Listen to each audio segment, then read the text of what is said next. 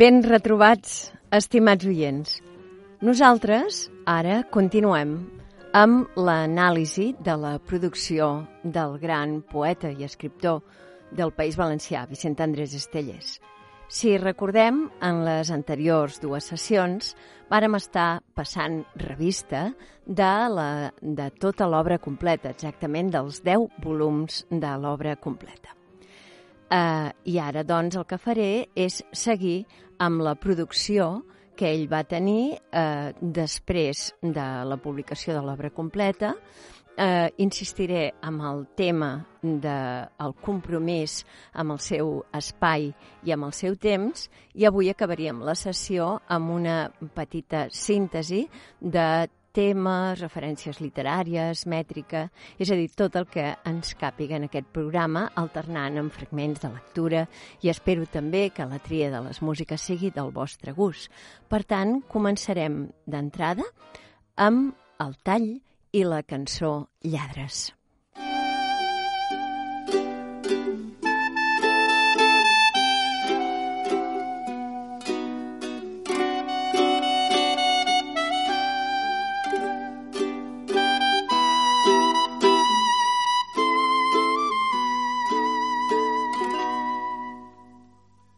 Lladres que entreu per Almansa. No sou lladres de saquets que ens poseu la cova en casa i des d'ella governeu. Governeu de lladrosini rapinyeu governant. Sou fartons de vida llarga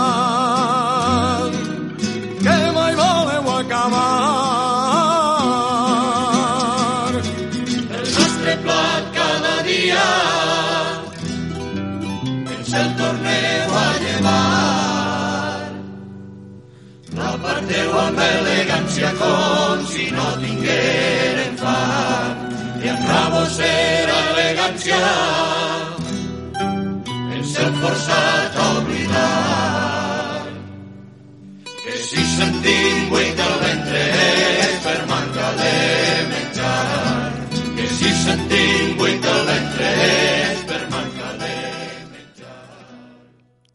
Bé, després de les obres completes, Pòstumament, l'editorial 3 i 4 li va publicar l'any 1996 els tres volums del Mural del País Valencià, una obra que el Estellers començà just en morir el dictador i que és una cantata als pobles dels països catalans, concretament del País Valencià.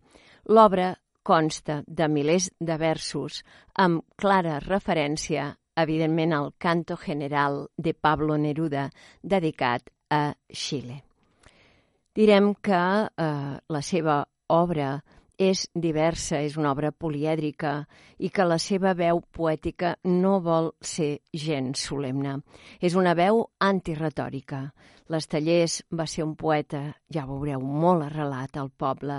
De fet, ja ho heu vist en totes les sessions, però que en aquesta última síntesi encara ho remarcarem més.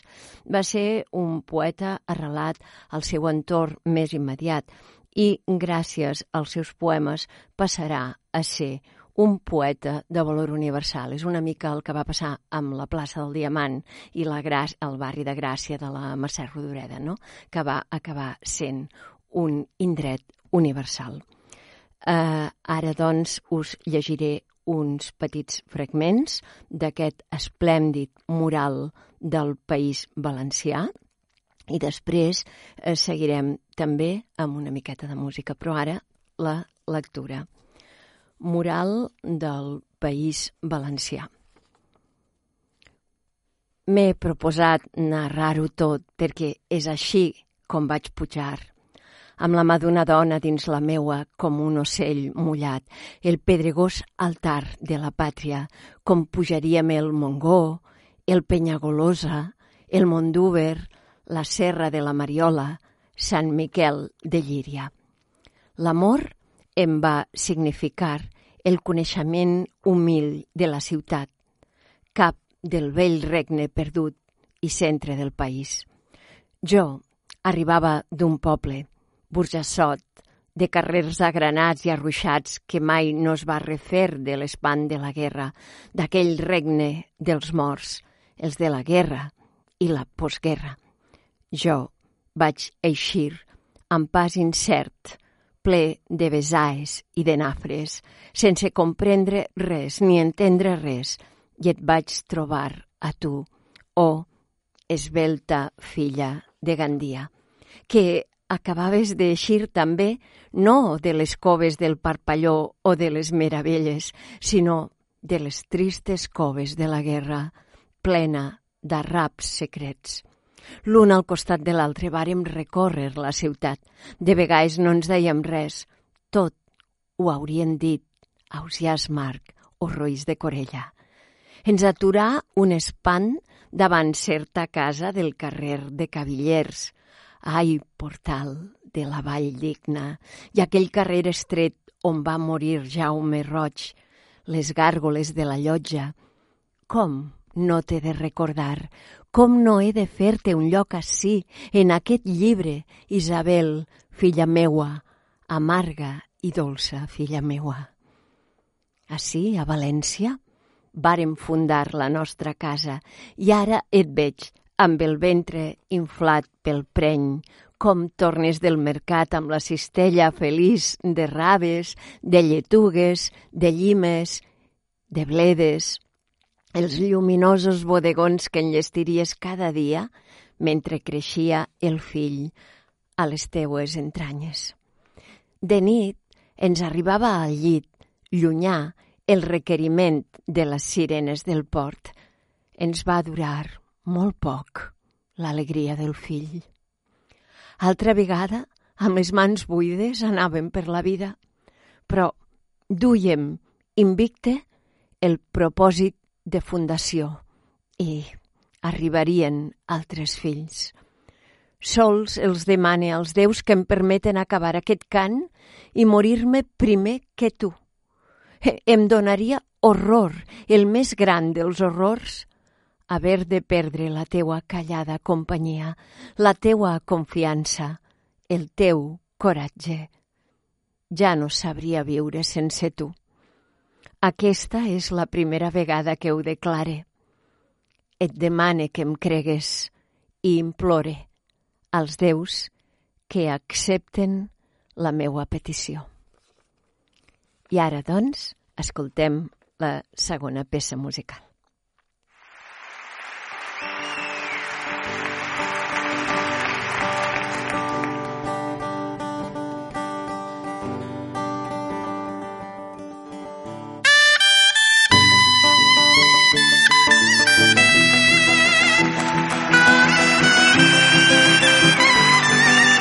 Visca els països catalans!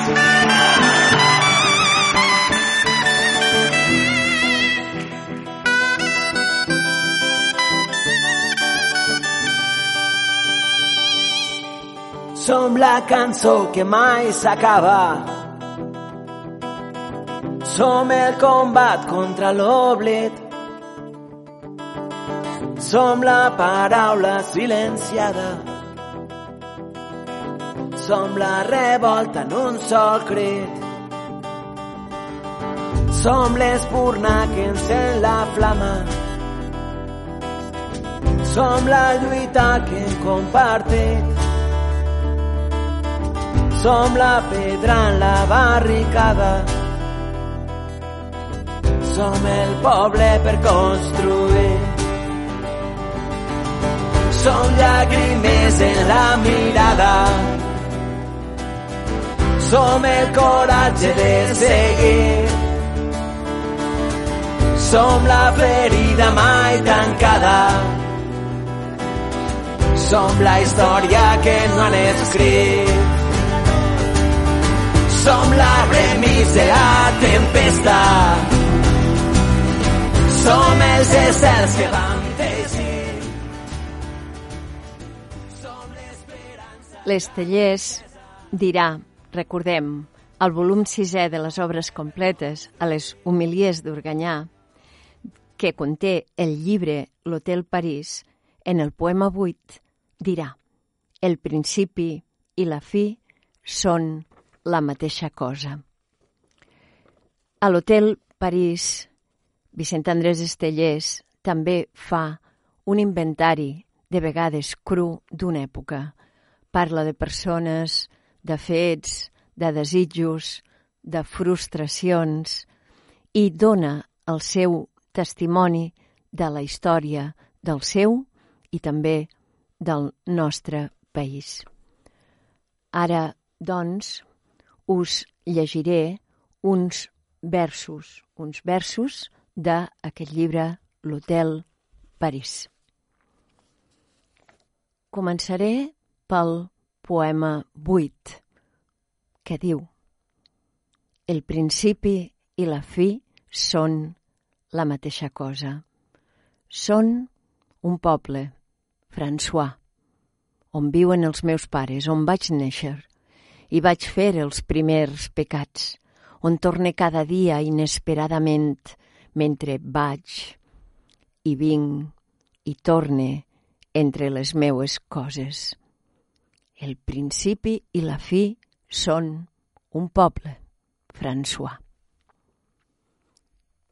Del mateix llibre, L'Hotel París, us he triat perquè veieu clarament com són els inventaris de les tallers.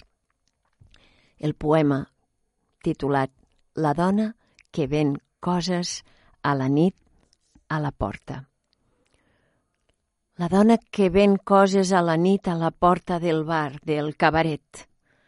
La dona que vigila el vàter de les dones, la dona que ha deixat la vaixella escurada i els tres fills en el llit i va a fer certes coses a la nit por al riu. I la dona que va tenir un fill i no sap de d'ell res des de la guerra i resa a Sant Antoni. La dona que neteja el servei del cafè i la dona que agrana les habitacions del vell hotel per hores i parelles febrils i la dona que planxa, i la dona que cus, i la dona que fa l'article de les dones i diu les excel·lències de cadascuna d'elles, sospesant-los els pits, colpejant-los les natges, i entra després la safa i, ui, pondera les còpules. I la dona que prega per la feina de l'home, i pel fill i la filla, i la dona que va tenir un primer nuvi, i la dona que vol tenir un fill quedar aquesta nit prenyada. Seguim amb una petita referència al volum setè, ja vist també de les obres completes de les tallers, el volum titulat Versos per a Jacli, i entrarem en el petit llibret Exili d'Ovidi. Si recordem, en aquest poema ja vist, ens deia que ell era fill d'un país petit, però també ell feia referència als exiliats, als que han patit captiveri. També parlava de la manca de llibertat i de la necessitat de retrobar la llengua pròpia. Per tant, resumint, afirmaré que, com en el cas de Salvador Espriu, l'obra de les tallers es compromet del tot amb la cultura catalana.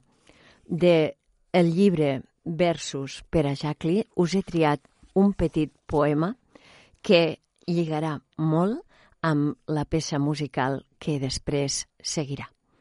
El poema és el poema 18 i diu de sobte, certes nits, em desperta encara la por.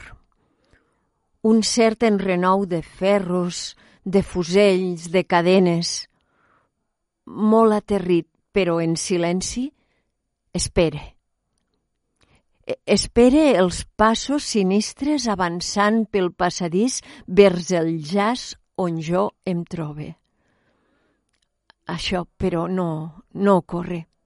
Sols hi ha el silenci inquietant de la nit, de més nit. Uns passos per l'escala que hom no sap a quin pis s'aturaran. Evidentment, aquest poema us el faig acompanyar per la versió del que volen aquesta gent, en aquest cas del Cesc Freixes.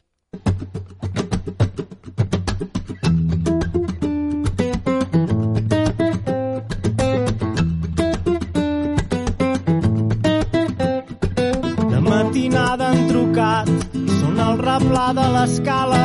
La mare quan surt a obrir, porta la bata posada. El seu fill que no és aquí, que n'és adormit a la cambra, que li volen al meu fill. El fill mig es desvetllava. Què volen aquesta gent? Que truquen de matinada. Què volen aquesta gent?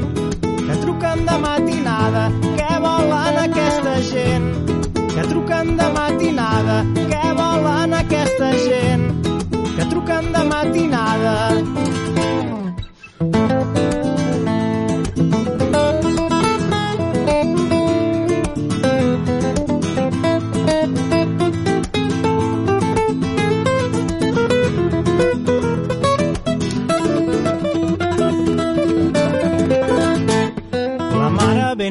En sap de totes les esperances del seu fill estudiant, que ben compromès n'estava, encara no ben despert, ja sent viva la trucada i es llença pel finestral a l'asfalt d'una volada. Què volen aquesta gent? Que truquen de matinada. Què volen... Seguirem ara sí amb altres aspectes de l'obra de les tallers. Si parlem de la mètrica, us he de dir que el poeta usa versos des de, des de molt curts a molt, molt llargs. Usa sobretot els versos d'art menor, els hexasíl·labs o cisíl·labes, i d'art major utilitza els decasíl·labs. El decasíl·lab català, com ja sabeu, amb cesura després de la quarta síl·laba, que també es diu el decasíl·lab Ausias Marquià, perquè Ausias Mar va ser el primer que el va utilitzar, el 4 més 6, i també el decasíl·lab italià. Aquest decasíl·lab italià no té cesura. També utilitza el que anomenem els versos alexandrins, també anomenats dodecasíl·labs, de 12 síl·labes, 6, cesura 6, o sigui, cesura després de la sisena síl·laba. I pel que fa als versos lliures, també també els utilitza molt, tant els, els versos blancs com els versos lliures del tot. Mm, Dintre dels versos lliures mm, utilitza els que diem el vers anisosil·làbic, és a dir, aquell vers o aquell poema que no té cap mena d'igualtat silàbica. I pel que fa a estrofes clàssica, ell sempre es decanta per l'ús del sonet. Si mm, succintament parlem dels temes, crec que n'hem de parlar, l'Estellers va ser un poeta de realitats. Els seus temes són extrets de la vida quotidiana d'un poble que és a la vora de València durant la postguerra. El poeta és de classe social baixa. En els seus poemes hi trobarem tant la individualitat com el que diríem la col·lectivitat. Cada poema és un trosset de vida i, malgrat la forta adversitat històrica de la dictadura, el poeta exposa sempre la voluntat de ser qui és i de ser on és, on viu, on es troba. Pel que fa als temes, doncs direm que tot hi té cabuda. L'amor és el gran tema, però l'amor sempre relacionat amb la mort, sempre enfrontat amb la mort. El sexe, el pas del temps, la literatura, Déu, la llibertat, la guerra i la, i la postguerra amb tota una sèrie de morts anònimes, la fam, la misèria, també l'esperança en el futur, la repressió, l'exili, l'abús de poder i fins i tot fins i tot la xenofòbia, és a dir, l'odi cap als qui són diferents. I com no, en aquest llistat hem de parlar de la terra, de la pàtria. Diríem que en tots els seus temes hi conviuen elements realistes amb elements de ficció i amb elements extrets de referències literàries. Però crec que potser el més important és aquesta oposició que us feia al principi d'amor i mort, és a dir, de Eros i Thanatos. Eros i Thanatos es barregen, es barregen com passa a la mateixa existència.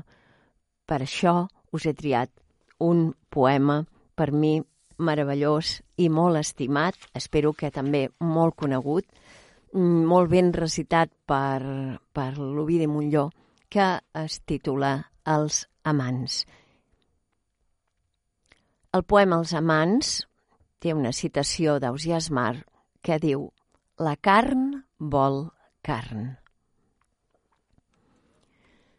No hi havia a València dos amants com nosaltres Feroçment ens amàvem des del matí a la nit. Tot ho recorde mentre vas estenent la roba. Han passat anys, molts anys, han passat moltes coses. De sobte, encara em pren aquell vent o l'amor i rodolem per terra entre abraços i besos. No comprenem l'amor com un costum amable, com un costum pacífic de compliments i teles. Es desperta de sobte com un vell huracà i ens tomba en terra els dos i ens ajunta i ens empeny. Jo desitjava a voltes un amor educat, i en marxa el tocadiscos, negligentment besant ara un muscle i després el pessó d'una orella. El nostre amor és un amor brusc i salvatge i tenim l'enyorança amarga de la terra d'anar a revolcons entre besos i arraps. Què voleu que hi faça? Elemental? Ja ho sé, Ignorem el Petrarca i ignorem moltes coses. Les estances de Riba i les rimes de Becker. Després, tombats en terra, de qualsevol manera comprenem que som bàrbars i que això no deu ser, no? que no estem en l'edat i, i tot això i allò. No hi havia València dos amants com nosaltres, cardamans com nosaltres. En són parits ben pocs. I ara ens acompanyarà el Raimon amb una preciosa cançó d'amor.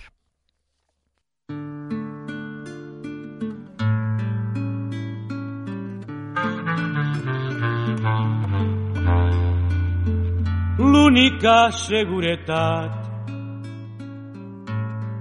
L'arrelament dels meus dubtes. Ve potent quan tu te'n vas. Tant si tu ho creus com si dubtes. Content tornaria a ser el xiquet que va jugant absent pel mig del carrer d'aquell meu carrer d'abans. Carrer on jugàvem tots els més menuts i els més grans. Carrer de terra i de pols que així era el carrer blanc tinc necessitat d'amor cada dia al meu costat de saber que tu em fas cas. Passem a la llengua i l'estil. L'Estellers crea un llenguatge poètic. Com Ausias Marc, necessita crear una llengua poètica que li permeti fer l'inventari, com heu vist, del seu temps, del seu país. L'Estellers pren com a base tres referents, recordeu-los. La tradició literària culta, la literatura catalana contemporània i la llengua parlada al carrer, la llengua col·loquial, que des de la infantesa ell sempre havia sentit parlar a la seva gent. A través d'aquella llengua, ell s'arrelava a un poble, a Burjassot, i també s'arrelava a una cultura. De l'equilibri dels tres referents esmentats sorgeix la veu poètica de l'Estellers, singular, trencadora. El seu estil va molt relacionat amb la seva professió de periodista. Recordeu quan parlàvem de la seva biografia. Ell, en la seva poesia que fa, explica coses, fa cròniques, fins i tot la paraula crònica dona títol a molts poemes. Descriu situacions, descriu paisatges, fa inventari de paraules i de fets i treballa amb tots, tots els mots de la llengua, tots els mots, totes les paraules, per a ells són paraules poètiques i totes serveixen. Per tant, la seva poesia és desmetificadora. Presenta sempre un to sincer, directe, veraç i de confidencialitat amb, amb, el, amb el lector. I ja per acabar la sessió d'avui parlarem breument de les referències literàries. El poeta té una gran cultura literària, tant clàssica com de literatura universal. Va llegir molt, moltíssim, i també té un gran coneixement de tota la literatura catalana. Pel que fa als clàssics grecollatins, els seus grans referents, ja, ja ho haureu vist en la tria de poemes, són Horaci, Virgili, Ovidi i el poeta Catul. Dintre dels poetes de literatura universal, al Rossafí i Pablo Neruda. I pel que fa als poetes de la literatura catalana, els dividirem en autors clàssics medievals i autors contemporanis. Entre els medievals, els referents que són Llull, Jordi de Sant Jordi, Pere Marc, Ausiàs Marc, Joan Ruiz de Corella i Jaume Roig. I entre els poetes contemporanis, Salvat Papaseit, Salvador Espriu, Pere Quart i Miquel Martí i Pol. Ausias Mar té gran rellevància en la poesia de les Tellers. De vegades li demana prestats versos, com aquell vers d'Ausias Mar que ell agafa. Jo sóc aquest que es diu, en Ausias diu, jo sóc aquest que es diu Ausias Mar, i l'Estellers diu, jo sóc aquest que es diu Vicent Andrés Estellers amb, amb aquesta clocada d'ull, o bé adopta un to de desesperança, un to de solitud, d'incomprensió, o bé utilitza imatges amb elements de l'entorn quotidià, o bé entén el poema com una confessió que fa el lector, o bé estableix també el que diríem un diàleg amb el lector i una lluita eh, literària, o també amb el mateix Ausias Mar. Per tant, resumint, la poesia de les tallers es caracteritza pel seu compromís humà i literari. No evita per res la seva parla dialectal, al contrari, la utilitza. I hi ha una clara ubicació espai-temps. Ell sempre reivindica amb orgull la seva pertinença a una terra, a un país i a una cultura. Per tant, la seva obra ha estat imprescindible en el que direm la modernitat de la poesia catalana. I ja per acomiadar-me de la sessió d'avui us llegiré un poema que resumeix molt bé tot el que estic dient i ja m'acomiado de vosaltres amb molt d'amor fins a la sessió següent. Us, ja us dic adeu des d'ara, amb el poema Assumiràs la veu d'un poble i després podreu escoltar de nou Obrim pas. Assumiràs. Assumiràs la veu d'un poble i serà la veu del teu poble i seràs per a sempre poble. I patiràs i esperaràs i aniràs sempre entre la pols, et seguirà una polseguera I tindràs fam i tindràs set. No podràs escriure els poemes i callaràs tota la nit mentre dormen les teues gens. I tu, sols, estaràs despert, i tu estaràs despert per tots. No t'han parit per a dormir, et pariren per a vetlar en la llarga nit del teu poble. Tu seràs la paraula viva, la paraula viva i amarga. Ja no existiran les paraules, sinó l'home assumint la pena del seu poble, i és un silenci deixaràs de comptar les síl·labes, de fer-te el nus de la corbata. Seràs un poble caminant entre una amarga polseguera, vida amunt i nacions amunt, una enaltida condició. No tot serà, però, silenci, car diràs la paraula justa, la diràs en el moment just. No diràs la teua paraula amb voluntat d'antologia, car la diràs honestament, iradament, sense pensar en ninguna posteritat com no siga la del teu poble. Potser em maten, o potser se'n riguen, potser em delaten. Tot això són banalitats. Allò que val és la consciència de no ser res si no s'és poble. I tu, greument, has escollit. Després del teu silenci estricte, camines decididament.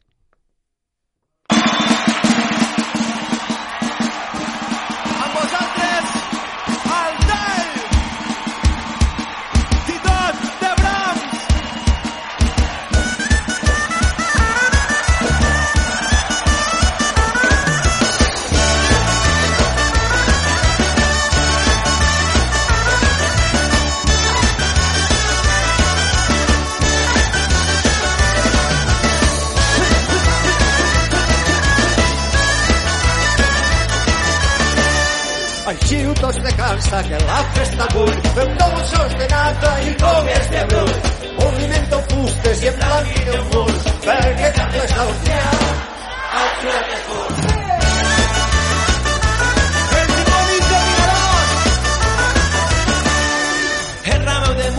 places i carrers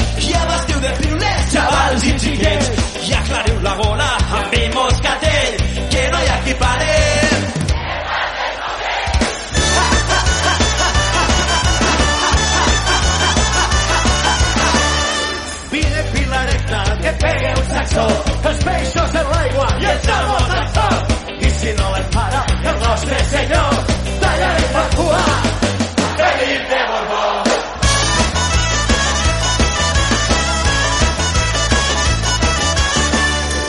Si l'hora te gira en mal dels nobles, tindran d'altres dies que de fer. Quan més curtes diguen, més que vindran, passeu més la boca i seguiu tocant.